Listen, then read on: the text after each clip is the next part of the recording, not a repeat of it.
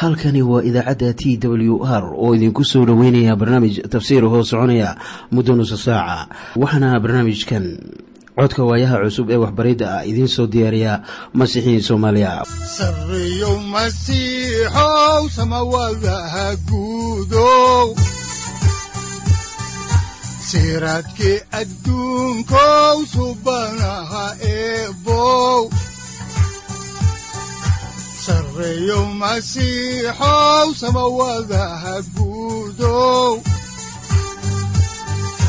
siraadkii adduunkow subanaha eebow adigoo ifkaan soo saldhiganba adigoo kutubtiisanaye udanogu saaciiday sharxin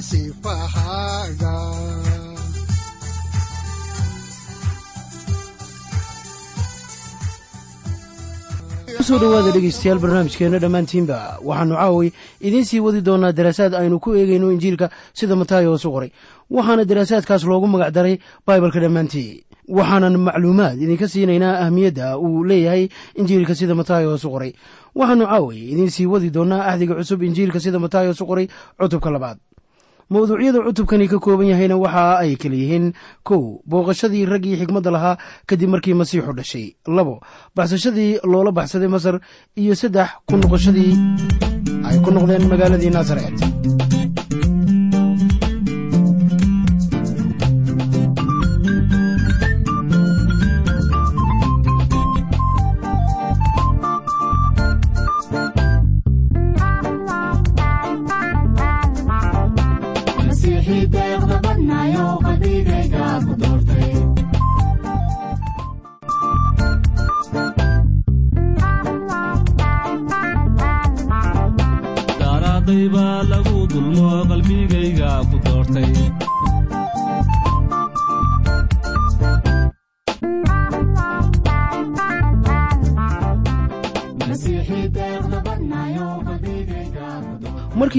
dambeysay waxaannu ka faalloonaynay herodosoole waa inaan laayaa carruurta laba jirka iyo wixii ka yar si aan uga hortago boqor halkan yimaada. Waxaan kaloo idiin sheegnay in nimankii xigmadda lahaa ay waddo kale qaadeen oo ka dhuunteen herodos taasina ay saa'idisay caradii uu qabi haddaan halkaa idiinka sii wadno qisada ayaa waxaa ku qoran axdiga cusub injiilka sida mataayosu qoray cutubka labaad aayadaha toddoba toban ilaa siddeed iyo toban sida tan markaasay waxay noqotay wixii nebi yeremiya lagaga dhex hadlay isagoo leh cod baa raama laga maqlay raaxeel oo u ooyeysa carruurteeda oo aan doonaynin in la qalbi qaboojiyo waayo ma ay joogin. Kanuna waa waxyi aan caadi ahayn xitaa.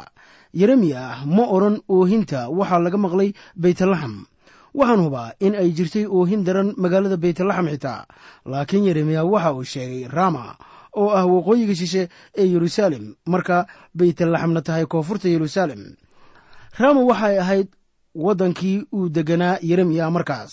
Waxaan qiyaasayaa markii askarta amarka la siiyey ee ahaa in ay dilaan carruurta ayaa dhammihii ciidanka sida abbaarta ah ku yidhi herodos ilaa iyo imise weeye dhulka aynu carruurta laba jirka ah ka idlaynayno waxaanad noo calaamadisaa dhinacyada tuulooyinka magaalada yeruusaalem ku dhow sida baytlaxam oo dhanka koonfureeda ilaa dhanka shishe ee waqooyi ee tuulada rama oo rama kuma aysan jirin meesha masiixu ku dhalan lahaa. Marka waad arkaysaa in herodos laayay carruur badan waanad qiyaasi karaysaa oohintii ka dhacday inta ka dhex leh baytlaxam ilaa rama. Waxaana u dhexaysay masaafo lagu qiyaaso ilaa iyo laba iyo toban mayl ama shan iyo labaatan mayl oo wareega. Waa khasab in dadkii waxaa lagu sameeyey ay la kulmeen murugo iyo qoomamo xanuun leh markii ay arkeen carruurtoodii oo dhimanaysa. Markaana waxyigii la siiyey yeremiya ayaa hubaal ahaan la buuxiyey. Iminkana aynu ka hadalno maaddada ah ku noqoshadii magaalada nasaret haddaan halkii ka sii wadno kitaabka ayaa waxaa ku qoran injiilka sida matayos u qoray cutubka labaad aayadda sagaal iyo tobanaad sida tan. Laakiin goortuu herodos dhintay malaa'igtii rabbiga ayaa riyo ugu muuqatay yuusuf oo masar jooga. Waa inaan dareenkiinna u weeciyaa umuurtan waxaa laynoo sheegay in malaa'igtii rabbiga ay riyo ugu muuqatay yacquub markii uu joogay fanuel sida ku qoran bilowgii cutubka labiyo soddonaad. Waxaa halkanna jooga malaa'igtii rabbiga. Malaa'igta rabbiga waxa weeye ciise intaanu dunida imanin. Haatanse ciise wuxuu joogaa masar. Haddaan faallada kitaabka halkii ka sii wadno ayaa waxaa ku qoran axdiga cusub injiilka sida mataayo su qoro cutubka labaad aayadda labaatanaad sida tan. Kacoo kaxee ilmaha iyo hooyadii oo dhulka israa'iil tag waayo kuwii ilmaha naftiisa doonayey waa dhinteen. Waa wax wanaagsan in ciise laga wado dhulkii masar oo la geeyo dalka israa'iil. Asbaabta ugu ahmiyadda weyn ayaa waxay tahay inuu ku dhashay sharciga waana inuu ku noolaado si waafaqsan sharcigii muuse. Waxa uu ahaa kii keliya ee sharciga dhowrayey waa inuu haddaba isaga dhex baxaa duufsashada iyo dhaqanka masar mana ahan in halka uu ku koro sidii muuse ahaa iyo sidii carruurtii israa'iil ay ahayd markaasoo ay qaran ku dhex noqonayeen masaarida haddaan halkii ka sii wadno ayaa waxaa ku qoran axdiga cusub injiilka sida mataayo su qoray cutubka labaad aayadaha koob iyo labaatan ilaa laba iyo labaatan sida tan. Markaasuu kacay oo kaxeeyey ilmihii iyo hooyadii oo dalkii israa'iil tegey. Laakiin goortuu maqlay in arkhaelos meeshii aabbihii herodos yuhuudiya xukumayo wuu ka baqay inuu halkaa tago. Markaasaa ilaah riyo ugu digay oo uu dhinacyada galilii ku leexday. Haddaba arkhelos waxa uu ahaa herodos kale oo waxa uu ahaa nin arxan daran haddaan halkii ka sii wadno ayaa waxaa ku qoran axdiga cusub. Injiilka sida matayos u qoray cutubka labaad aayadda saddex iyo labaatanaad oo leh sida tan. Wuxuuna yimi oo degay magaalada naasaret la ohan jiray si ay u noqoto wixii nebiyada lagaga dhex hadlay. Waxaa loogu yeerayaa nazarani. Waxaa qoran waxaa loogu yeerayaa nazarani. Ereyga cibraaniga ah ee nazaret waa nazre netzre oo macnuhu yahay laan ama curdin magaaladaas waxaa nasaret loogu bixiyey nacfi yarideedii. Waxyiyada ku qoran ishacyaha cutubka koob iyo tobanaad aayaddiisa koowaad iyo ishacyaha konton iyo saddex aayadaha laba ilaa saddex iyo zabuurka laba iyo labaatan aayadda lixaad ayaa ku jira nazarani. Iminkana aynu haatan eegno. Hawshii yoxana baabtiisaha haddaannu dhexda uga soo dhacno qisada oo idiin akhrino axdiga cusub injiilka sida matayos u qoray cutubka saddexaad aayadaha hal ilaa labo ayaa waxaa qoran sida tan maalmahaas waxaa yimi yoxanaa baabtiisaha isaga oo cidlada yuhuudiya wax ku wacdiyaya oo leh toobadkeena waayo boqortooyadii jannadu waa dhowdahay e haatan isla markiiba yoxanaa baabtiisaha waxa uu soo galay baalasha qorniinka. Haddii aynu haysan lahayn injiilka sida matayos u qoray oo keliya waxaynu is odran lahayn halkee buu inaga soo galay oo taariikhdiisuse maxay tahay? Waayo matayos inama siinayo wax ku saabsan arrimahaas sababtuna waa caddaan. Nebi malakii ayaa leh fariin waluhu wuu soo hormarayaa si uu waddada ugu diyaariyo imaanshaha boqorka waxaana ku qoran axdigii hore kitaabka malakiya cutubka saddexaad aayadda koowaad baalka kun boqol siddeed iyo siddeetan sida tan. Rabbiga ciidamadu waxa uu leeyahay bal eega waxaan soo dirayaa wargeeyahayga oo isna jidka ayaa uu hortayda ku sii diyaar garayn doonaa haddaba wargeeyaha waxa weeye yoxana baabtiisaha. Markaana uma baahnid in aad ogaato taariikhda wargeeye leeyahay. Markii nimanka ka shaqeeya xafiisyada oo fariimaha geeya ay ku yimaadaan iyagoo oo fariin wada miyaad ku tidhahdaa xaggee bay awowayaasha ka yimaadeen? Taariikhdaaduse maxay tahay? Xiise kuuma hayo taariikhdooda. Waxaase aad xiisaynaysaa fariinta ay kuu keeneen waayo fariinta ayaa muhiim ku ah oo iyada ayaad doonaysaa. Waxaad markaas ku leedahay mahadsanid oo waxaad siinaysaa xoogaa yar oo shaaha. Waanaad iska diraysaa. Intaas un baad ku samaynaysaan nimanka fariin wadayaasha ah oo idin dhex maraya. Haddaba yoxana baabtiisaha wuu caddeeyey inuu ahaa oo keliya fariin wale. Matayosna taas ayaa uu caddaynayaa xitaa. Sidaas aawadeed waxa uu soo dhex galay baalasha qorniinka isaga oo ku wacdiyaya cidladii yuhuudiya oo leh toobadkeena waayo boqortooyadii ilaah waa dhowdahay.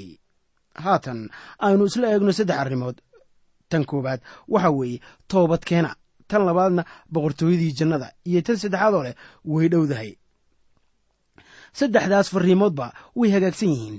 Haddaba toobadkeena waa dareen mar waliba loo sheego dadka ilaah taasoo lagu wacyigelinayo in ay soo jeestaan.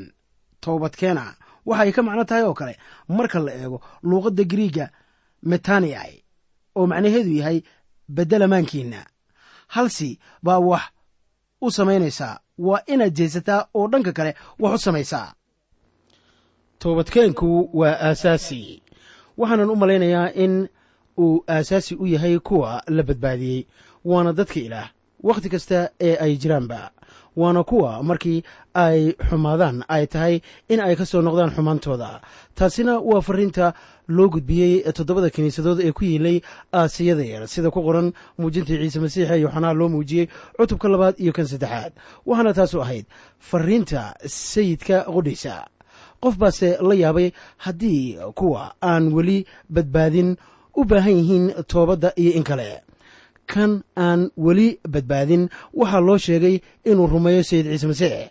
Taasuna waa fariinta bawlos u hayay kii madaxa u ahaa kuwii xabsiga ku jiray markii uu isna ku jiray xabsigii ku yiilay filiboy sida ku qoran falimaha rasuullada cutubka lix iyo tobnaad aayadda koob iyo soddonaad. Ninkaas godxabsiga u weynaa waxa uu u baahnaa in uu toobad keeno. Laakiin markii ninkaasi loo sheegay in uu badbaadayo hadduu rumaysto ciise masiix ninkaasu wuu toobad keenayaa. Rumaysadka waxa uu ka macno yahay in masiixa loo leexdo markii aad u leexato masiixa waxbaad ka soo leexanaysaa. Haddii aadan wax ka soo leexan dhab ahaan ugu soo leexan maysaan masiixa. Markaana toobadkeenku waxa weeye xaqiiqo ahaan qayb ka mid ah rumaysadka. Laakiin fariinta aasaaska ah ee loo gudbinayo kuwa lumay maanta waxa weeye inay rumeeyaan sayid ciise masiix. Waxaan jecelahay inaan arko dad u imanaya hawsha ah in ay helaan ama qaabilaan masiixa amase baaq ay ku sheegayaan in ay gaareen go'aanka ah inay raacaan ciise masiix. Laakiin tan ugu ahmiyadda weyn waxa weeye in masiixa loogu kalsoonaado badbaadiyanimo oo haddii aad u soo leexataan waxaad ka soo leexanaysaan wax kale. Dareenka ah boqortooyada jannada waxaa loola jeedaa sharciyada samaawiga ah ee dhulka ka sarreeya. Sayid ciise masiix waa boqorka markaana boqortooyo lahaan kari mayso ama boqortooyo adigu lahaan kari maysid adigoon lahayn boqor. Welibana lahaan kari maysid haddii ayan jirin boqortooyo uu xukumayo. Waxaad haddaba xusuusataa boqorkii ingiriiska ahaa ee yidhi boqortooyadayadu waxa ay joogtaa faras. Haddaba haddii uu boqortooyadiisa ku beddelan lahaa faras boqor ma ahaadeen. Wuxuuse ahaan lahaa nin faras ku jooga boqorku waa in uu leeyahay boqortooyo markaana muxuu yoxanaa baabtiisaha ula jeeday marka uu lahaa boqortooyada ilaah weydhowdahay wuxuu taa ula jeeday in boqortooyada jannadu ay ku jirto qofnimada boqorka miyaa haatan la arkaa xaqaa'iqa boqortooyada jannada. Haah waa la arkaa oo way jirtaa kuwa isaga ugu yimaada badbaadiye ahaan oo isaga aqoonsada waxaa lagu wareejinayaa boqortooyada wiilkiisa uu jecel yahay. Oo haatanna isaga ayaa ay leeyihiin. Waxay kaloo haystaan ama ka dhexeeya xiriir hoose oo kaga dhow kan boqor la leeyahay dadka uu xukumayo. Masiixa waxaa lagu metelaa arooska rumaystayaashana waxaa lagu metelaa aroosad. Marka la fiiriyo xiriirka sokeeye ee ka dhexeeya waxaa laga yaabaa in qof isweydiiyo inaan la mid nahay dadka boqortooyooyinka ku hoos jira. Waayo innaguba waxa aynu qaadanaynaa ama qaadanaa amaradiisa. Waxaan mar kale leeyahay wax badan oo kalaa jira. Waa inaannu adeecnaa isaga waayo waynu jecelnahay isaga. Xidhiirka aynu la leenahayna waa mid kalgacaltooyo. Waxaana uu yidhi haddii aad ijeceshihiin waa inaad amaradayda adeecdaan. Sida ku qoran injiilka sida yuuxanaa u qoray cutubka afariyo tobnaad aayadda shan iyo tobanaad. Barnaamijkeenna caawi. Waxaannu ku soo barannay waxyaabo badan oo aad ku aragteen sida ilaah ugu jiro nolosha bini aadamka iyo weliba sida loo caddeeyey in masiixu yahay masiixii la sugayey. Haddaba haddaan halkii ka sii wadno ayaa waxaa kaloo yuuxanaa dadka uu ku wacdiyey boqortooyada jannada haddaba boqortooyada jannada waa sharci samaawi ah oo ka sarreeya dhulka. Ha yeeshee maanta sharcigaasu dhaqangal ma ahan. Ciise haatan xukumi maayo dunida maanta. Waa khasab in khaladaad ku jiraan. Habka fikirka kuwa ku adkaysanaya in boqortooyada jannada ay jirto haatan dunideenna ama ay dhaqangal tahay. Haddaba masiixu wax xukun iyo sharci ah ama qaab ah ku xukumi maayo dunida maanta. Waxaan ka ahayn niyadaha kuwa qaabila mooyaane. Haddaba maalin buu imanayaa inuu qutumiyo boqortooyadiisa dunida. Markii taa uu sameeyo waxa uu hoos dhigayaa kacdoonnada dunida ka jira ee ilaah lagu diidan yahay. Imaqal kacdoon waliba hoos baa loo soo dejin doonaa boqortooyada jannadu way soo dhowdahay amase waa diyaar.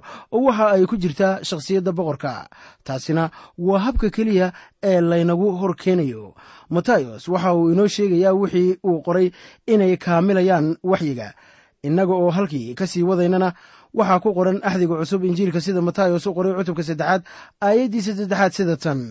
Waayo kan waa kii nebi isayos ka hadlay markuu lahaa waa codka kan cidlada kaga qaylinaya jidka rabbiga hagaajiya waddooyinkiisa toosiya. Marka ay leeyihiin nebi isayos waxaa loola jeedaa ishaaciyaa waxyiguna waxa uu ku qoran yahay kitaabka ishaaciyaha cutubka afartanaad aayadda saddexaad. Markaasoo uu lahaa waa codka kan cidlada kaga qaylinaya. Wax kasta ee yuuxanaa baabtiisaha isku sheegay qudhiisa waxa uu ahaa inuu yahay codka kan cidlada kaga qaylinaya dantiisuna waxay ahayd inuu waddada u diyaariyo sayidka. Haddaan sii ambaqaadno kitaabka ayaa waxaa ku qoran yuuxanaa qudhiisu waxa uu guntunaa dharkiisa dhogorta geel ahaa oo suun meged ana dhexduu ku xidhnaa cuntadiisuna waxay ahayd ayax iyo malab dibadeed. Waxa uu ahaa qof shakhsiyad khaasa leh miyaanu hayn wuxuu cunay cunno yaab leh. Dharkuu xiranayey waxay ahaayeen kuwo la yaab leh. Ma jecli inaan tilmaamo ka bixiyo laakiin maanta yuuxanaa waxa uu noqon lahaa ama lagu misaali lahaa naanaab dharkiisu waxa uu ahaa dhogorta geela suunka dhexda ugu xidhanna waxa uu ahaa meged hilibkiisu waxa uu ahaa ayax iyo malabdibadeed. Waxaa kaloo laynoo sheegay inaanu timaha xiiran jirin oo uu lahaa timo dhaadheer. Waxaa inta yaalla nin aan caadi ahayn saaxiib. Ninkaasuna waa nin leqasad wuxuuna u ekaa nimankii ilaah ee jiray wakhtiyadii axdigii hore oo ka imanaya ama ka soo gudbaya xilligaas oo imanaya baalasha axdiga cusub. Wuxuuna ahaa kii ugu dambeeyey nebiyadii axdigii hore. Haddaan halkii ka sii wadno kitaabka ayaa waxaa ku qoran axdiga cusub injiilka sida matayos u qoray cutubka saddexaad aayadda shanaad sida tan. Markaas waxaa u soo baxay dadka yeruusaalem iyo kuwa yuhuudiya oo dhan iyo kuwa dalka urdun ku wareegsan oo dhan. Waxaad haddaba ogaataan in dad badani isugu soo baxeen wacdigiisii yuuxanaa ma uusan kiraysanin garoon ciyaareed amase golo ciyaareed iyo kiniisad mana jirin guddi isaga casumaad u fidinayey sida xaqiiqda ma uusan imanin magaalo weligii. Haddii aad doonayso inaad dhegaysato wacdiga yuuxanaa waxaad ugu tegaysaa halka uu joogo. Dhab ahaantii ruuxa rabbiga ayaa ninka la jiray innagoo halkii ka sii wadayna ayaa waxaa ku qoran injiilka sida matayos u qoray cutubka saddexaad aayadda lixaad sida tan. Markaasuu webi urdun ku baabtiisay iyaga oo dembiyadooda qiranaya. Marka dhanka kale laga eego waxaa waxyaabahan oo dhani muujinayaan isbeddel ku yimi noloshii dadkaas. Umuurta dhabta ah ee ay ku oggolaadeen makhuriska yuuxanaa waxay ahayd calaamad ay uga soo tegayaan noloshoodii hore oo ay ku imanayaan noloshan cusub. Iminkana aynu eegno maaddada ah farisiinta iyo saduukiinta. Haddaan halkii ka sii wadno qisada ayaa waxaa ku qoran injiilka sida matayos u qoray cutubka saddexaad aayadaha toddoba ilaa siddeed sida tan laakiin goortuu arkay qaar badan oo farisiin iyo saduukiin ah oo baabtiisa ama baabtiiskiisa yimi waxa uu ku yidhi dhaljilbisaay yaa idinka digay in aad ka carartaan carada imanaysaa haddaba midho toobad istaahila bixiya. Haatan waxaa eegtaa kuwa imanaya. Waxaad dhegaysataa sida uu u salaamayey ama uu u soo dhoweynayay martida sharafta leh. Kaba soo qaad in wacdiyihiinnu intuu soo istaago axadda soo socota uu yidhaahdo dhalyahow jilbiska aho. Waxaan qiyaasayaa in maamulayaasha kale ee kiniisadda caroon lahaayeen oo odhan lahaayeen waa inaynu wacdiyo kale raadsannaa haddaba luuqaddaas uu ku hadlayey yoxanaa baabtiisaha waxay ahayd luuqad caro weyni ka muuqato oo adag. Wuxuu la hadlayaa farisiinta iyo sutukiinta derajada leh oo waxa uu ku yidhi waa in aad midho toobad istaahilo soo dhalisaan. Maahan in aad doontid baabtiis waase marka hore in noloshaada laga helo midho toobad istaahila haddaan halkii ka sii wadno ayaa waxaa ku qoran injiilka sida matayos u qoray cutubka saddexaad aayadda sagaalaad sida tan. Hana ku fikirina inaad tidhaahdaan waxaannu leennahay ibraahim oo aabba noo ah waayo waxaan idinku leeyahay ilaah waa karaa inuu dhagaxyadan carruur uga kiciyo ibraahim. Saaxiib hadal kulul buu yooxanaa halkan ka dhiibanayaa. Waxaad garan kartaa waxa aan loogu dooran ninkan inuu noqdo ninka ugu caansan sannaddaas dhulka yuhuuda ama dhulka yuhuudiya. Haddaan halkii ka sii wadno waxaa ku qoran aayadda xigta ee tobnaad sida tan. Haddeer weliba faaska waxaa la dhigay geedaha guntooda. Sidaa daraaddeed geed weliba oo aan miro wanaagsan soo bixin waa la gooyaa oo dabkaa lagu tuuraa. Faallooyin badan ayaa looga qoray waxa ku saabsan miro bixinta kitaabkan ahdiga cusub.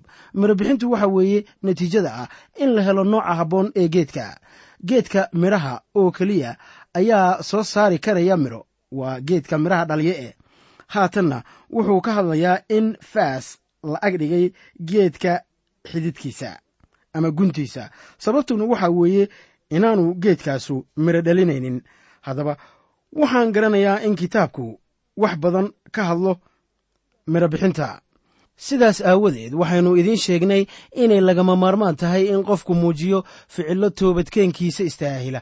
Waxaan kaloo ka hadlaynay in geed qodxan leh uu dhaliyo geed qodxan leh ama in geed qodxan leh uu dhalayo oo keliya geedaha qodxanta leh. Geedka canabkaana uu dhalayo midho canaba geedka cananaaska ah waxa uu dhalaa cananaas. Geedka timirkuna waxa uu dhalaa timir laakiin markii geed soo bixiyo qodxan geedkaasu ma ahan geed cananaasa waana in geedkaas la gooyaa. Xididka iyo geedku way wada socdaan. Geedkuna waa in uu leeyahay xididka saxa ah ama la doonayo si uu midho la doonayo u dhalayo ama midhaha la doonayo loo helo. Taasina waa waxa uu yoxanaa baabtiisaha ku leeyahay iyaga.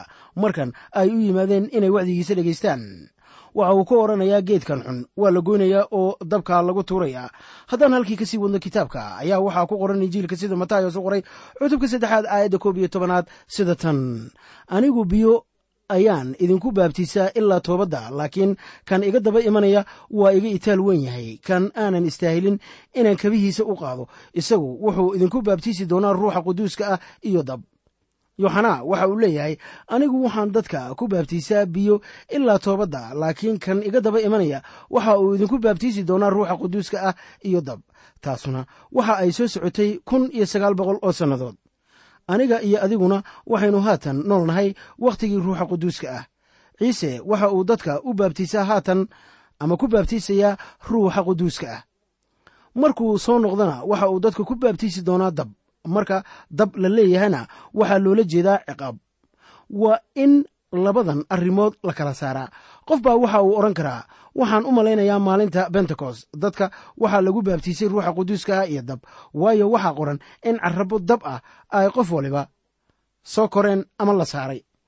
War saaxiib waa in aad akhrisaa falimaha rasuullada cutubka labaad aayadaha labo ilaa saddex mar kale.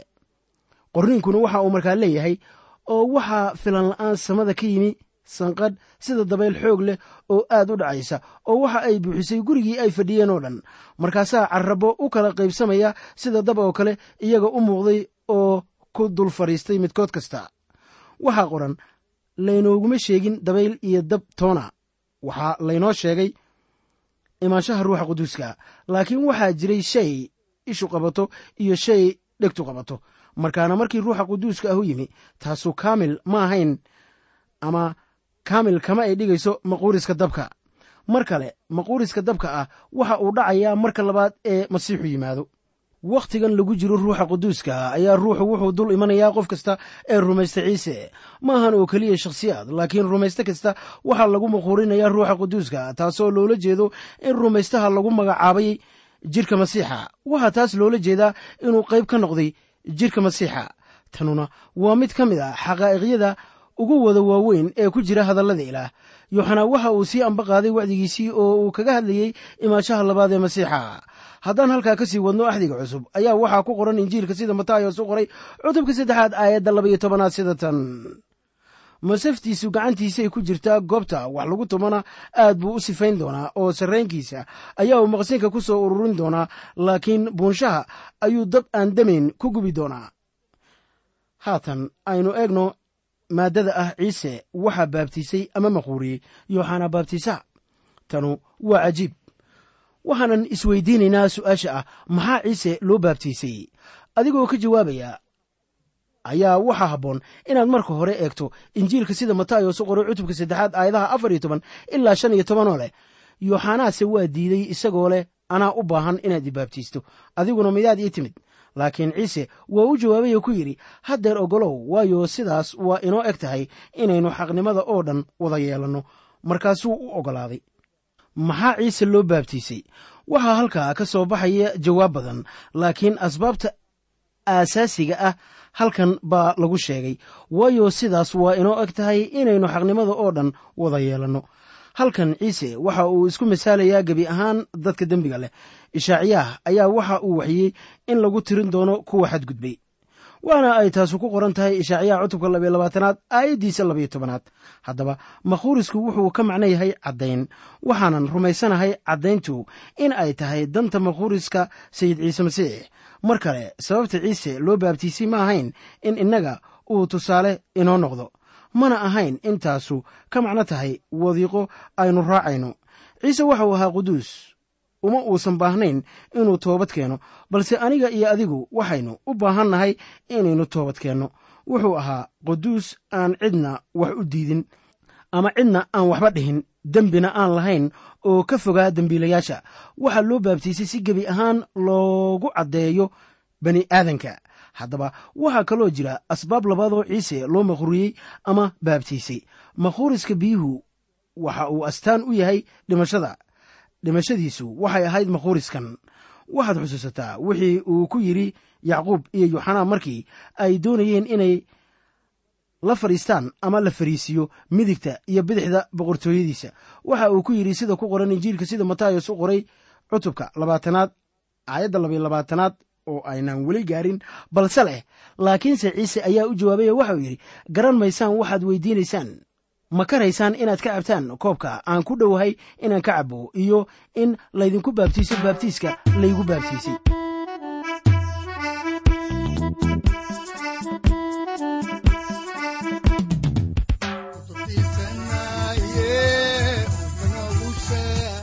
halkani waa t w r idaacadda t w r oo idinku leh ilaa ha idin barakeeyo oo ha idinku anfaco wixii aad caawi ka maqasheen barnaamijka waxaa barnaamijkan oo kalaa maqli doontaan habeen dambe hadahan oo kale haddiise aad doonaysaan in aad fikirkiina ka dhiibataan wixii aad caawi maqasheen ayaad nagala soo xiriiri kartaan som t w r at t w r c o k e dhegaystayaal haddii aad doonaysaan inaad mar kale dhegaysataan barnaamijka fadlan mar kale booqo www t t b o r g. Ama www t w r o r g. Halka sare waxaad ku arkaysaa markii aad gasho language ama luuqadda waxaana dooranaysaa soomaali. Haddii aad doonaysaan in aad dejisataan oo kaydsataan barnaamijka ama aad mar kale dhegaysataan fadlan mar kale booqo www t t b t w r o r g ama www t w r o r g haddii aad doonayso in laga kaalmeeyo dhinacyada fahamka kitaabka amase aad u baahan tahay duco fadlan fariimahaaga soo mari bogga aaraahda ama kommentska inana jawaab degdeg ah ayaanu ku soo diri doonaa amase ku siin doonaaye. Sareyow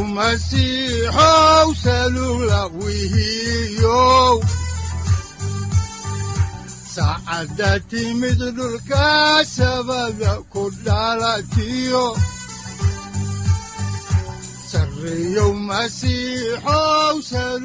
halkani waa t w r oo idiin rajaynaya habeen baraare iyo barwaaqaba leh. Inta aynu ka gaari doono wakhti aynu ku kulanno barnaamij la mida kan caawayay aad maqasheen. Waxa aan idinku leeyahay nabadda ciise masiix ha idinku badato xagga jidhka iyo ruuxaba. Aamiin